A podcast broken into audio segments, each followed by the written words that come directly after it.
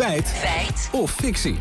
Daarin gaan we door uh, op, op, die situatie van de gegijzelden in Gaza. Want er, er zou een zorgplicht gelden voor gegijzelden in het buitenland. Ja, buitenlandcommentator Bernard Hammelburg uh, bij BNR zei vanmorgen daar het volgende over op de radio.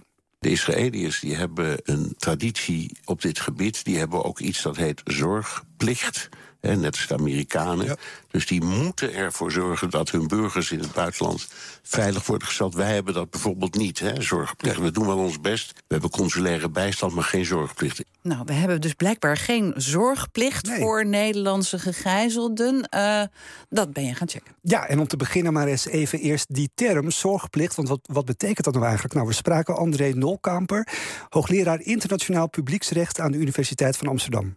Het begrip zorgplicht betekent dat een staat inspanningen moet plegen om onderdanen te beschermen. Een verplichting om zorg te dragen voor de bescherming. Dat kan gaan om gijzelingen, maar het kan ook gaan om andere situaties waarin onderdanen in problemen komen. Bijvoorbeeld gevallen waar ze zijn gedetineerd in het buitenland. Ja, we vroegen hem ook of die zorgplicht dan in de internationale wet is vastgelegd. Internationaal recht geeft geen verplichting aan landen om onderdanen in het buitenland te beschermen. Dus elk land kan voor zichzelf regelen of er een verantwoordelijkheid of een verplichting is om onderdanen die in het buitenland zijn gegijzeld proberen te bevrijden. Ja, ieder land mag die zorgplicht dus zelf regelen. Oké, kun je zelf invullen. Maar, maar Bernard Hammelburg die verwijst in zijn uitspraak uh, onder meer naar de zorgplicht van de Verenigde Staten. Want hoe zit het dan daar? Ja, die vraag legden we voor aan jurist en Amerika-deskundige Kenneth Munasama. Hij zegt daarover het volgende voor Amerika betekent die zorgplicht gewoon een veel actievere, actievere opstelling. Het is in de, in de regel wel zo dat het wat beschermender uh, optreedt uh, ten opzichte van de eigen burgers. Die zijn natuurlijk ook in de wereld, eh, in de geschiedenis,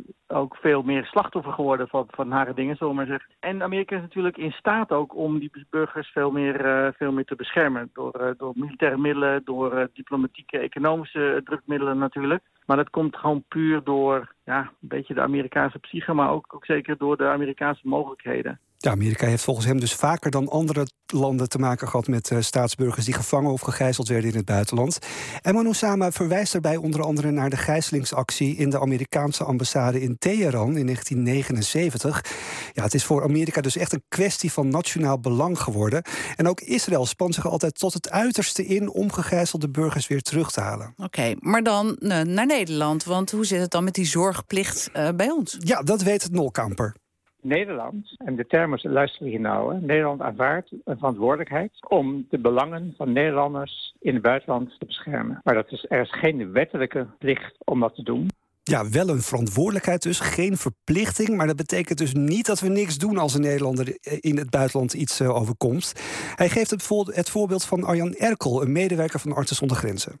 Die was gevangen genomen in Dagestan, een uh, republiek in Rusland. Nou, daar heeft Nederland zich zonder meer ingespannen om Arjan Erkel te bevrijden. Daar is uiteindelijk ook losgeld betaald. Althans, Nederland heeft het geld voorgeschoten voor Artsen zonder Grenzen. Dus Nederland spant zich wel degelijk in. Hm. Gaan we terug naar het begin. Nederland uh, heeft een zorgplicht voor, hè, al dan niet, voor staatsburgers die in het buitenland worden ontvoerd. Ja, het is geen wettelijke plicht. Bernard Handelburg had dus gelijk. Een land als de VS heeft wel een zorgplicht. Nederland niet. Het is een feit.